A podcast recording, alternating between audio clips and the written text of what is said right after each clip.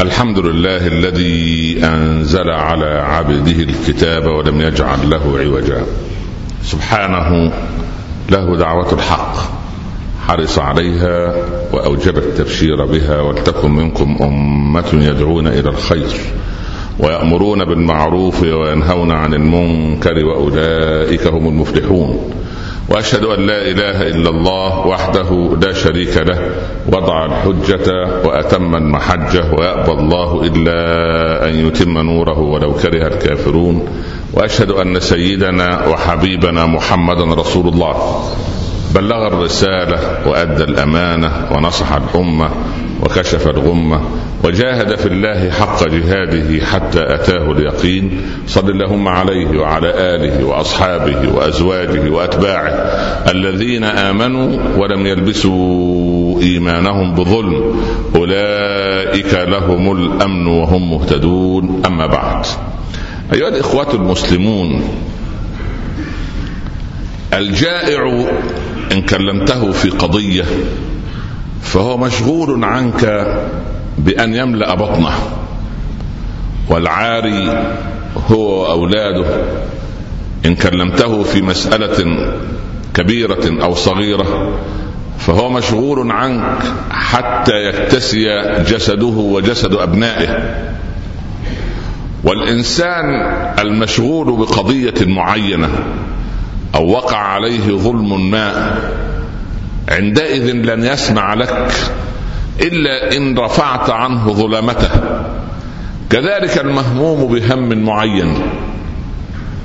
إن حدثته في مسألة فهو يأخذ كلامك ليس في بؤرة شعوره وإنما في هامش شعوره لأنه لا يعيش في سلام مع نفسه وإنما الهم يخترمه ويحيط به من كل حدب وصوب. والإسلام من عظمته أن جعل الإنسان عندما يعبد ربه حق عبادته ويثق فيه ثقة مطلقة كما خلقه في هذه الحياة عندئذ سوف تجد أن هذا الإسلام أو هذا الإنسان يأخذ من الإسلام قضية السلام مع النفس. وإن نظرت في القرآن في قضية السلام تجد العجب العجاب. كريم الله موسى يسلم ويحيى ابن زكريا يسلم عليه وعيسى ابن مريم يسلم على نفسه.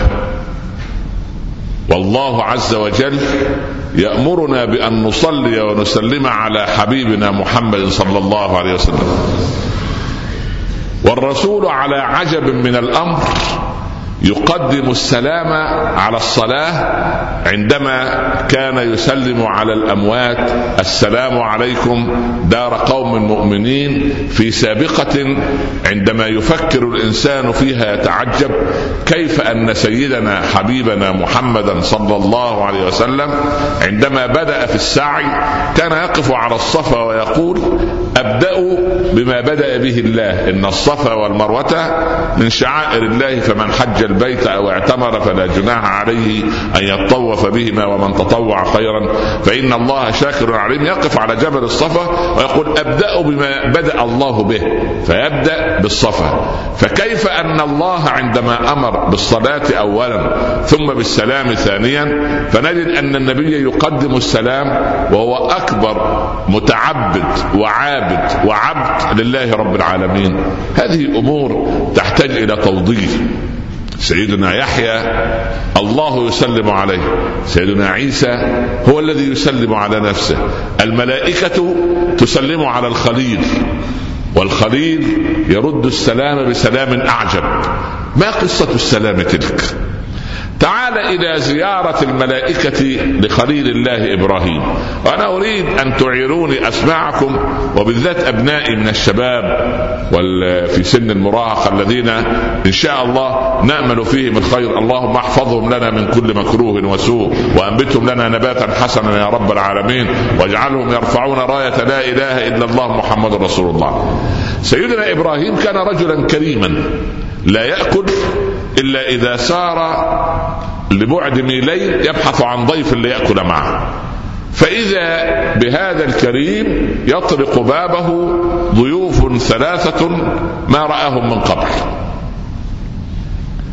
ما كان منه إلا أن راغ إلى أهله. أي غمز أو عمل إشارة معينة حتى يستأنس الضيوف بصاحب البيت موجودا معهم فلم يتركهم ويدخل إلى البيت ليقنع زوجته أن تجهز طعاما.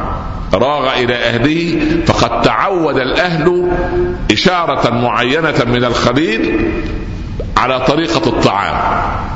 راغ إلى أهله. هذا أدب أدب المضيف. أدب المضيف مع الضيف ألا يتركه هذا هو الأمر الأول.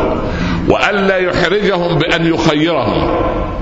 دائما يقول صاحب البيت تشرب كذا أو كذا يا أخي قدم إن شاء الله وإن شاء الله رب العالمين يقبل حتى وصل الأمر بالسلام في الإسلام أنني إن كنت ممنوعا من غذاء معين أو شراب معين وجئت عندك فقدمته أنت لي وأنا أكلت أو شربت هذا الأمر لإدخال السرور عليك تسمع كلام الحبيب المصطفى صلى الله عليه وسلم يقول من أكل طعام أخيه ليسره لا يضره سبحان الله.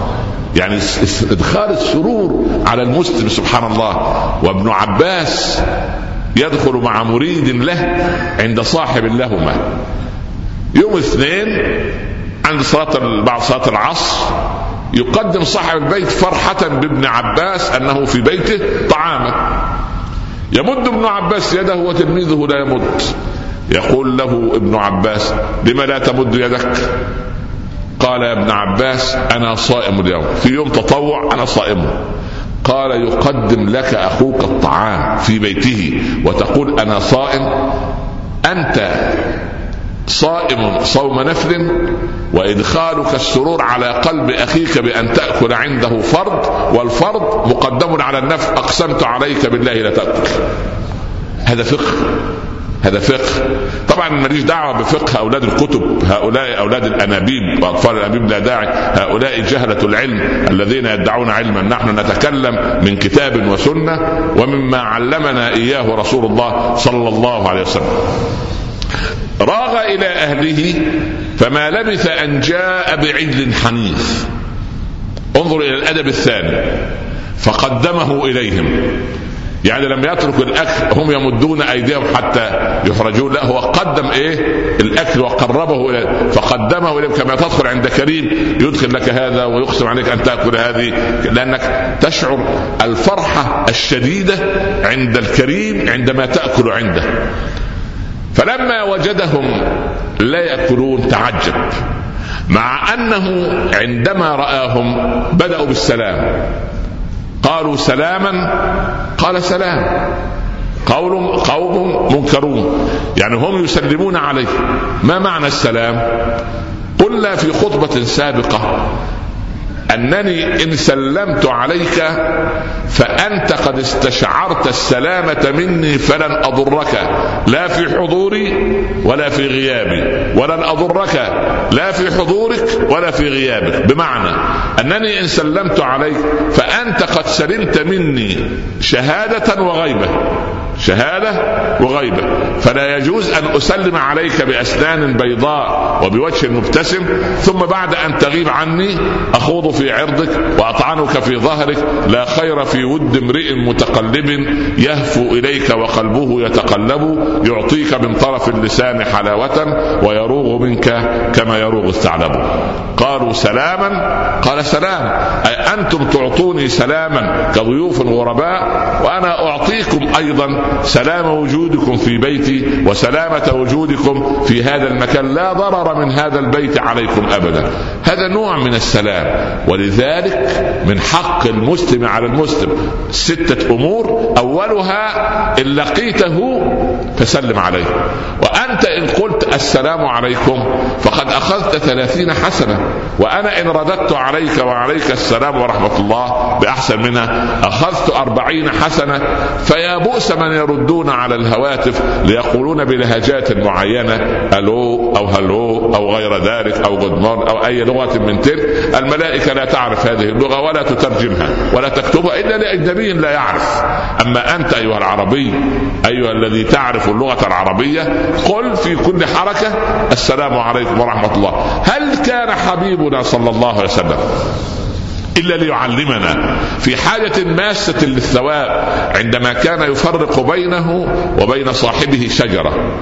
فالرسول صلى الله عليه وسلم يذهب من ناحية اليمين مثلا وصاحبه من ناحية اليسار فيلتقيان مرة أخرى فيقول الحبيب له السلام عليك ورحمة الله. حتى يضاعف الإيه؟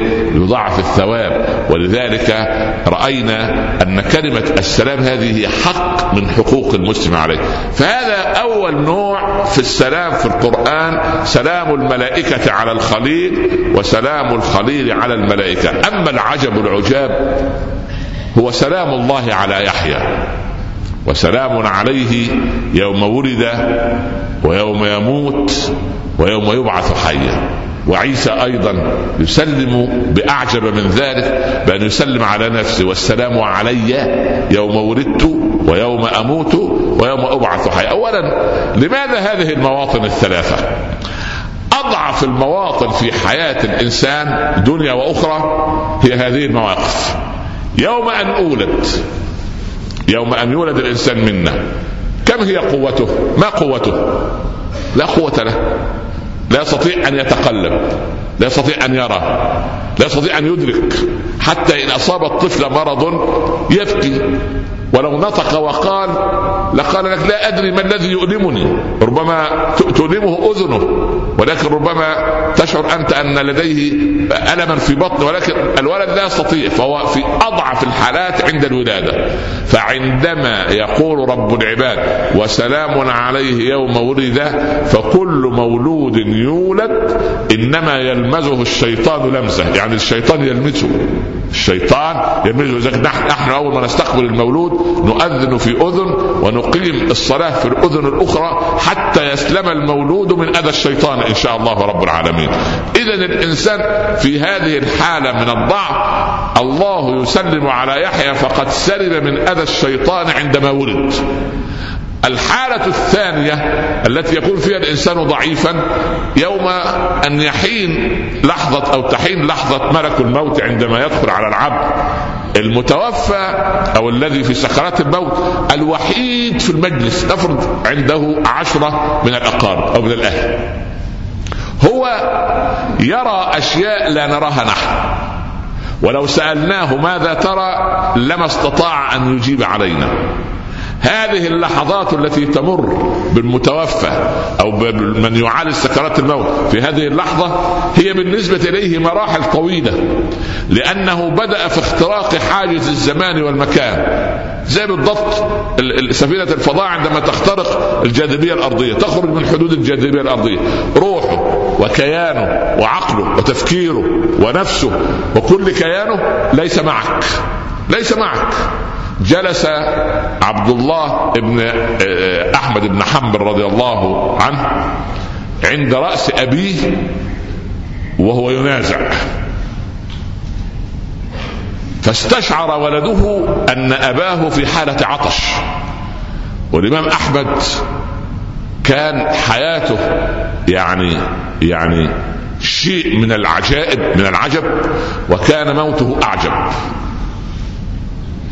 سار في جنازته مليون مشيع للجنازة وأسلم يومها مئة ألف من النصارى وخمسون ألفا من اليهود. يوم وفاته. حتى وفاته خير على الأمة. الناس الصالحين حياتهم خير ووفاتهم خير. يذكرني بعمر رضي الله عنه. ينازل سكرات الموت. والدم يخرج من جنبه بعد طعنة أبي لؤلؤة. ويرى شابا يدخل عليه طويل الثوب.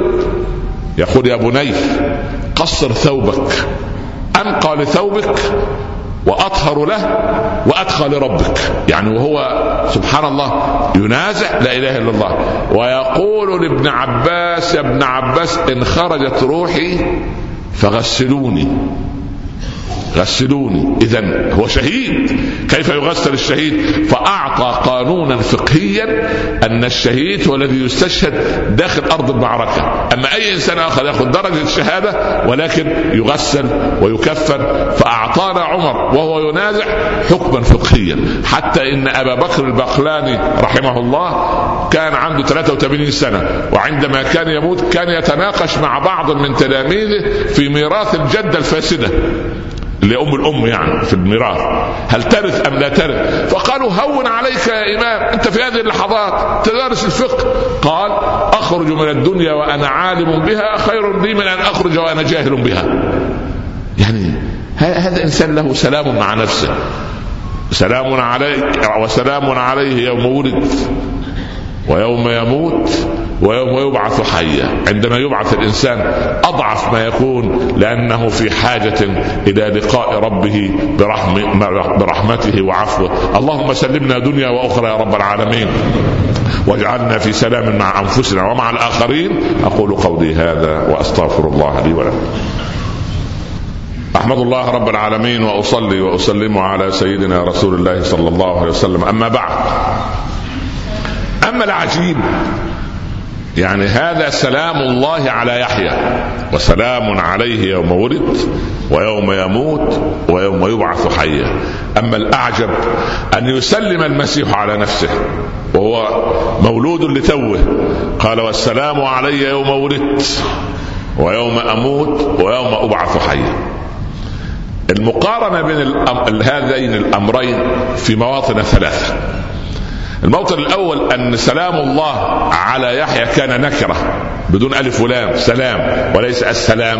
ما قال ربنا والسلام على يحيى ومولد الله قال وسلام عليه سيدنا عيسى سلم على نفسه بلفظ المعرفة والسلام علي يوم ولدت وضع الألف واللام.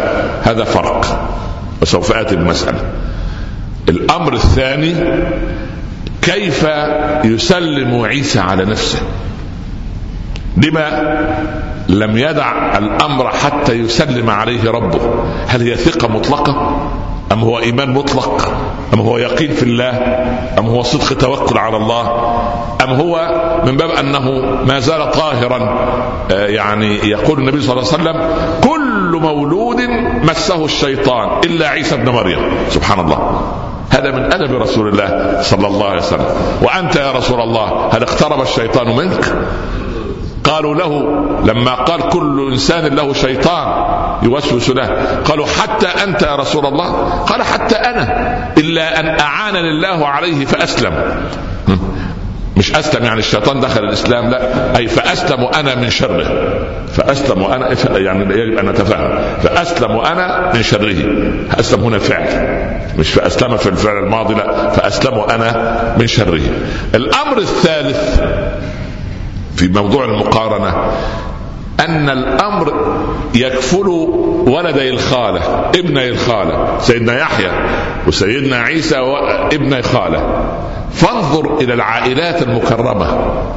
لما تكون عائلات مكرمة صالح له خالة صالحة له أم صالحة له ابن خالة صالح هو نبي والآخر نبي هذا رسول وهذا رسول هذا رزق الشهادة وهذا لم يرزق الشهادة وإنما رفعه الله حيا أمر في منتهى العجب بين هذين الاثنين حتى وجدهما النبي صلى الله عليه وسلم ليلة المعراج في مكان واحد. قال وصعدت إلى السماء الثالثه وجدت ابني الخالة يحيى ابن زكريا وعيسى ابن مريم عليهما وعلى نبينا الصلاة والسلام. من الذي كان يعلمنا بهذا بعد فضل الله إلا وجود رسول الله صلى الله عليه وسلم. تعال إلى قد يطول الشرح بين المقارنتين وكيف أن موسى سلم على آه، من لم يؤمن قال والسلام على من اتبع الهدى ثم آه، قضية سلام الملائكة على أهل الجنة ثم سلام رب العباد سبحانه وتعالى على القاطنين في هذا المكان العظيم سلام قولا من رب رحيم تحيتهم يوم يلقونه سلام هذا أمر يحتاج إلى تفصيل. نسأل الله سبحانه وتعالى أن يرزقنا سلاما مع أنفسنا. اللهم اجعل لنا أول يومنا هذا صلاحا. وأوسطه نجاحا وآخره فلاحا. لا تدع لنا فيه ذنبا إلا غفرته ولا مريضا إلا شفيته ولا عسيرا إلا يسرته ولا كربا إلا أذهبته ولا هما إلا فرجته ولا دينا إلا قضيته ولا ضالا إلا هديته ولا ميتا إلا رحمته ولا طالبا إلا نجحته ولا صاحب هم إلا كشفت همه وأذهبت غمه وشرحت صدره ويسرت أمره وحققت مطلبه. يا رب العالمين أنت ولي ذلك والقادر عليه. اجعل هذا البلد آمنا مطمئنا. وسائر بلاد المسلمين. اللهم ارزقنا قبل الموت توبة وهداية. ولحظة الموت روحا وراحة. وبعد الموت إكراما ومغفرة ونعيما. أكرمنا ولا تهنا. أعطنا ولا تحرمنا. زدنا ولا تنقصنا. كلنا ولا تكن علينا. آثرنا ولا تؤثر علينا. انصرنا ولا تنصر علينا. اجعل خير أعمالنا خواتيمها. وخير أيام اليوم أن نلقاك. وصلى الله على سيدنا محمد وآله وصحبه وسلم. بسم الله. الرحمن الرحيم والعصر. إن الإنسان لفي خسر إلا الذين آمنوا وعملوا الصالحات وتواصوا بالحق وتواصوا بالصبر. صدق الله ومن أصدق من الله قيلا. نقول حديثنا إن شاء الله بعد الصلاة وأقم الصلاة. قوموا إلى صلاتكم يرحمكم الله. أحمد الله رب العالمين وأصلي وأسلم على سيدنا رسول الله صلى الله عليه وسلم. أما بعد جزاكم الله خيرا عنا في دعواتكم المتواصلة وسؤالكم عنا ونسأل الله سبحانه وتعالى الا يصيب مسلم ابدا بأي مكروه وسوء أن يصبر أصحاب الابتلاءات على ما ابتلاهم رب العباد عز وجل وأن يجعلنا وإياكم من المسلمين. يا رب العالمين. درس صغير إن شاء الله ليس على طبيعة التطويل. قضية السلام في القرآن أنا أريد أن تفعلوا خطب الجمعة إلى عمل. معنى ارجع للبيت وأثناء تلاوتك اليومية أخرج من صفحات المصحف كلما مررت بآية سلام أو اسم السلام لله عز وجل. اكتبها عندك واكتب رقم الآية وفكر فيها وتدبر. وكان سيدنا جبريل ينزل أحيانا على النبي صلى الله عليه وسلم. ويقول له يا رسول الله السلام يقرئك السلام. ويقول لك أقرئ خديجة منا السلام. فكان آه، الحبيب يبلغ سلام خديجة سلام جبريل إلى خديجة. ويقول هذا جبريل يقرئك السلام ويبلغك سلاما من الله. فانظر إلى حصافة أمنا خديجة تقول الله هو السلام ومنه السلام وعلى جبريل منا السلام. أين تعلمت خديجة؟ ها؟ فين تعلمت؟ إيه الإجازات العلمية اللي حصلت عليها؟ فأنا أرى أن أعظم إجازة علمية يحصل عليها مسلم أو مسلمة هو الإيمان الحقيقي بالله عز وجل. الأعرابي الذي جلس تحت الشجرة. ولا يعرف لا رسالة ولم تبلغه رسالة ولا يعرف إن في قرآن ولا في توحيد ولا شيء. فنظر فإذا ببعيره له بعر. وإذا بأقدام وأقدام بعير لها أثر. فنظر الرجل متفكرا. قال البعرة تدل على البعير وأقدام السير تدل على المسير. فأرض ذات فجاج وسماء ذات أبراج وجبال ذات أمواج. ألا يدل ذلك على اللطيف الخبير؟ أين تعلم هذا؟ هي قضية تعليم ولا قضية تدبر وتفكر؟ هذا الأعرابي هل له من العلم ما حصل عليه؟ واحد زي المجرم جاجارين هذا أول رائد فضاء روسي لما صعد في سفينة الفضاء. رائد الفضاء ولا وجدت الله ولا رب ولا إله ولا غيره. بالله عليه. هل نفعه علمه؟ وتحطمت به الطائرة وذهب غير مأسوف عليه.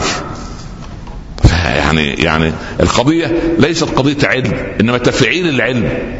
لماذا؟ قال علماؤنا من عمل بما علم. من عمل بما علم.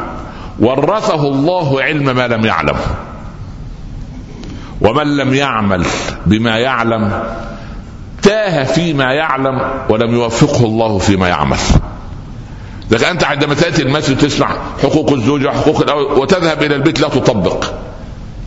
دي مصيبة عليك حجة. حجة عليك. كارثة. مش معنى كده خلاص ان الجمعة الجاية إن شاء الله مش جاي عشان ما ما أعرف الحقوق. لا. قال رجل يا أبا هريرة أخاف أن أتعلم العلم ولا أنفذه. فأضيعه. قال كفاك بترك العلم إضاعة له. أنت مجرد تترك العلم يبقى عملت إيه؟ ضيعته. ضيعته. تعال إلى السلام. سيدنا يحيى الله عز وجل جعل فيه خصيصة أنه سيدا وحصورا. يعني حصور ليس له في النساء ولا تزوج. ولما سماه رب العباد اسم بالأمر لأن الله عز وجل كلمة كن عنده هي نوعان كن التكوينية وكن التشريعية. كن التكوينية كن يحيى فكان يحيى. طب يحيى في اللغة لو أنا أطلق كلمة يحيى والله أنا بشر. لكن لما رب العباد هو الذي يطلق هذا الاسم يحيى يعني إيه؟ لا يموت طب وكل نفس؟ ذائقة الموت. إنك ميت وإنهم ميتون. طيب. كيف فرزق الشهادة؟ ها؟ كي إيه؟ كي يصدق فيه تسمية الله له. ليه؟ لأن الشهداء إيه؟ ها؟ أحياء على إذا طيب. فرب العباد أكرمه وقال له بلفظ النكرة وسلام عليه. السلام النكرة دائما للتكثير لأن رحت المصلحة وجدت أمامها صفوف وناس ناس. ناس دي نكرة أم معرفة؟ نكرة لكن تقلل إيه؟ الكثرة. لما تلاقي واحد كده يعني آه عمل موقف عظيم. ما شاء الله. رجل رجل هذه نكرة أم معرفة؟ نكرة أكيد. متأكدين يعني ولا إيه؟ مرت كلامكم بالنسبة لي نكرة. ما صوتكم واطفيه نايمين. اديكم شهر نايمين. ماشي. المهم يعني. فالنكرة تقال للتكثير وللتعظيم. خلاص؟ لأنها من الله عز وجل. خلاص؟ ولذلك ربنا يعني سبحانه وتعالى جل شأنه قال وسلام عليه. لما يكون السلام من الله يا الله بلاش. خلي انت رجل فاضل ذو حيثية في المجتمع أخذت ابن أختك ورحت أول يوم معاه المصلحة أو الجامعة ودخلت على رئيس الجامعة صديقك أو عميد الكلية. والله ده ابن أختي وأنا اللي ربيته وأنا اللي علمته لا لا في عيني يا ولدي. اعتبر أنا زي خالك. أي موقف تعال المكتب ينادي مدير مكتبه. هذا ابن أخت فلان من اخت معالي فلان. أي منين ما يجي أول واحد يدخل. فأنت عندما ذهبت في معية خالق أو معية الكبير فلك أن تتخيل. طب عندما يكون ليحيى سلام من الله يسلم أم لا يسلم؟ وسلام عليه يوم ولد ويوم يموت ويوم يفعل طب اشمعنى سيدنا عيسى عرف وسلم على نفسه؟ يقول علماؤنا يقول عيسى مخاطبا بني إسرائيل وانت لما تلاقي واحد متعب ومشاكس لازم تعطيه الصفات الحسنة اللي عندك ليس للتزكية وإنما لإغاظة المتشكك فيك. كيف؟ هم أول ما وجدوا أمنا مريم جاية وجايبة الولد على على كتفها. أول ما شافوها. ها. هي متوقعة هذا الأمر أم غير متوقعة؟ متوقعة وبني إسرائيل دي أصلا أهل إشاعات ده هم بيعملوا إشاعة من غير شيء. فما لما الشيء أمامهم. وأبو بكر البخلاني اللي اتكلمنا عليه كان دخل على هرقل. فعنده البطارقة. فالبطارقة حبوا يحرجوا القساوسة حبوا يحرجوا إمام المسلمين. فقال كبيرهم لأبي بكر أيها العالم ماذا صنعت زوجة نبيكم التي اتهمت في شرفها؟ ماذا صنع الله بها؟ الله كده فجأة كده قلة أدب قال أبو بكر بهدوء في القرآن امرأتان اتهمتا. امرأة ليس لها زوج ولها ولد وامرأة لها زوج وليس لها ولد وكلتاهما برأهما القرآن. أي امرأة فيهما تقصد؟ شوف يا أخي شوف يا أخي يا أخي العلم شوف العلم شوف الفقه شوف الناس اللي, اللي قاعدة تشتم وتطلع لا ابدا والله شوف شوف العلم. فسكت البطارقة وقال هرقل هذا لا يناقش. وبعدين ده ما يناقش ده طلعت منه إزاي؟ دي جابها منين؟ ها؟ طب بالله عليك بالمنطق بالمنطق. من أنت يخطر ببالك خطر خطأ؟ اللي ليها اللي ليس لها زوج وليها ولد أكثر أقرب إلى الشك ولا اللي ليها زوج وليس لها ولد؟ أيهما أقرب إلى الشك؟ هما الاثنين آه بس في واحدة إيه؟ اللي ليس لها زوج إيه ولا صح ولا لا؟ لكن هو, هو في الآخر قال إيه؟ وكلتا المرأتين إيه؟ برأهما القرآن. سبحان الله. هذا أدب. هذا أدب. الأدب اللي سبحانه دخل سيدنا الرجل اليهودي دخل على سيدنا علي. قال أبا الحسن ما مات نبيكم يعني وما دفن بعد؟ وقال المهاجرون منا الأمير وقال الأنصار منا الأمير. يعني تصارعتم قال له قال له ليس هذا بعجيب. إنما الأعجب ما جفت أقدام أجدادكم مع كريم الله موسى عندما أنجاه الله من فرعون؟ قالوا يا موسى اجعل لنا إلها كما لهم اله يلا. ما إحنا إذا هتكل لنا هنكل لك. سبحان الله. بس بإيه؟ بحجة. الحجة لما تكون غالبة. نسأل الله أن يلهمنا حجتنا وصوابنا. سيدنا عيسى يكلم بني إسرائيل وطفل فأولا عرف السلام. معنى والسلام علي أي والسلام علي من الله. هي معناها كده. معنى ضمنا يعني سيدنا عيسى مؤدب. طبعا النبي رسول معد. إعداد خاص. والسلام علي من الله. يوم ولدت. والسلام علي من الله يوم أموت. والسلام علي من الله يوم أبعث حيا. ثم نأتي لقضية أن الله هناك ده سلام من الله وسلام من عيسى على نفسه أيضا متضمنا أنه من الله عز وجل. أما هناك سلام بالأمر. سلام كن التشريعية. إن الله وملائكته يصلون على النبي. يا أيها الذين آمنوا ها صلوا عليه ها وسلموا هذا أمر عجيب أننا يجب أن نصلي بالأمر على رسول الله ونسلم بالأمر على بالأمر الإلهي. ولكن الأغرب الرسول صلى الله عليه وسلم لم يبدأ بالصلاة على أصحاب القبور. قال السلام عليكم دار قوم مؤمنين. أنتم السابقون وإنا إن شاء الله بكم لاحقون. نسأل الله لنا ولكم العافية. طب العافية للحي صحته ودينه والعافية للميت ها؟ أن يعافى من الذنوب ومن غضب الله. اللهم ارزقنا رضاك والجنة ونعوذ بك من سخطك والنار يا رب العالمين. قال علماؤنا أن الرسول صلى الله عليه وسلم لم يذكر الصلاة لأن الصلاة عبادة وإن كانت واخد لفظ الدعاء معناها الدعاء. صلى له يعني دعا له. الصلاة هي الإيه؟ الدعاء. فكأن النبي صلى الله عليه وسلم قدم السلام ليعلمنا أننا عندما نلقى الأحياء أو نلقى الأموات يجب أن نبدأ بالسلام عندئذ سبحان الله العظيم كما قال آه، آه، سفيان الثوري كل يوم جمعة. قبل بيروح يخطب بالمسلمين يعدي على المقابر. يقول السلام عليكم دار قوم مؤمنين. أنتم السابقون وإنا إن شاء الله بكم لاحقون. غفر الله لمسيئكم وتقبل من محسنكم وآنس الله وحشتكم وكان معكم في غربتكم. كل جمعة بالشكل ده. وبعدين مرض شهرا. فما لا بيروح لمسجد ولا بيروح المقابر قال فرأيتهم في الرؤيا يجرون أكفانهم يقولون يا شيخ لما حرمتنا من زيارتك؟ والله إنا كنا نستأنس بدعائك.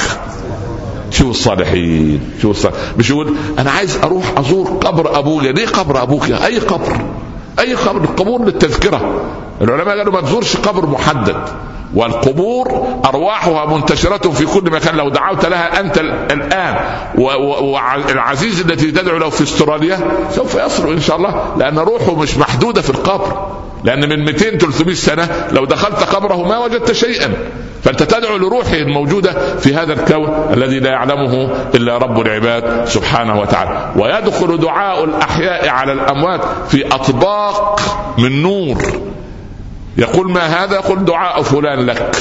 دعاء فلان لك وهذا له حديث طويل. اذا قضية السلام في القرآن عجيبة.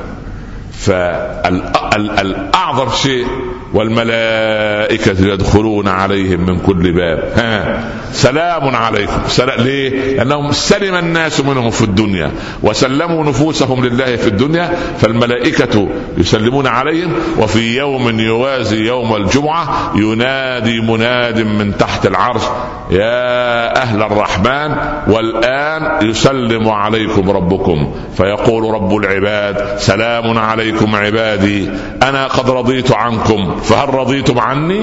الله. يقولون يا ربنا سبحانه وكيف لا نرضى عنك؟ وقد أحللتنا دار المقامة من فضلك لا يمسنا فيها لغب ولا يمسنا فيها نصب ولا يمسنا فيها لغوب. يقول وعزتي وجلالي لأعطينكم أفضل من هذا. يا ربنا وهل هناك أفضل من هذا؟ سوف اسبغ عليكم رضواني فلا أسخط عليكم أبدا وأبيح لكم وجهي تنظرون إليه بكرة وعشية. قال ربنا ورضوان من الله إيه؟ أكبر. ما هو رضوان؟ قال النظر إلى وجه الكريم. قال السادة العلماء قال لو أن رب العباد تجلى بوجهه على أهل النار لنسوا ما هم فيه من العذاب. ولو أن الله حجب نور وجهه عن أهل الجنة لما راق لهم النعيم فيها ساعة. جابوا منين الكلام ده؟ قالوا لما امرأة العزيز الإشاعات اشتغلت في مصر قالوا امرأة العزيز تراود فتاها والإشاعات اشتغلت ووسائل الإعلام تطبل وتزمر. سبحان الله كبروا الموضوعات. والحق خلي بالك سبحان الله. ف اعتدت لهن متكا ما عارفة كل واحدة عارفة صديقتها شغلتها وآتت كل واحدة منهن إيه؟ سكينة. بس. وقالت تخرج عليهن. فلما رأينه ها أكبرنا وعملوا إيه؟ قطعنا أيديهن. طب اللي شاف بشر قطع يده. طب بالله عليك. طبعا أنت بس تشوف حد تاني تقطع إيدك غيظا آه. أو مرارة يعني اصبر واحتسب. المهم هم لما شافوا الكريم إحنا نصلح النفوس بس بعد غياب شهر. سبحان الله. ف يعني قطعنا إيدينا. قال لك ده شاف بشر شافوا بشر. قطعوا أيديهم. فما بالك بمن رأى وجه رب البشر سبحانه. اللهم متعنا بالنظر إلى وجهك الكريم يا رب العالمين. نلقاكم اليوم على شاشة الشارقه العاشره إن شاء الله بإذن الله. لا تنسونا من صالح دعائكم. جزاكم الله عنا خيرا. نلقاكم الجمعة القادمة. والسلام عليكم ورحمة الله تعالى وبركاته.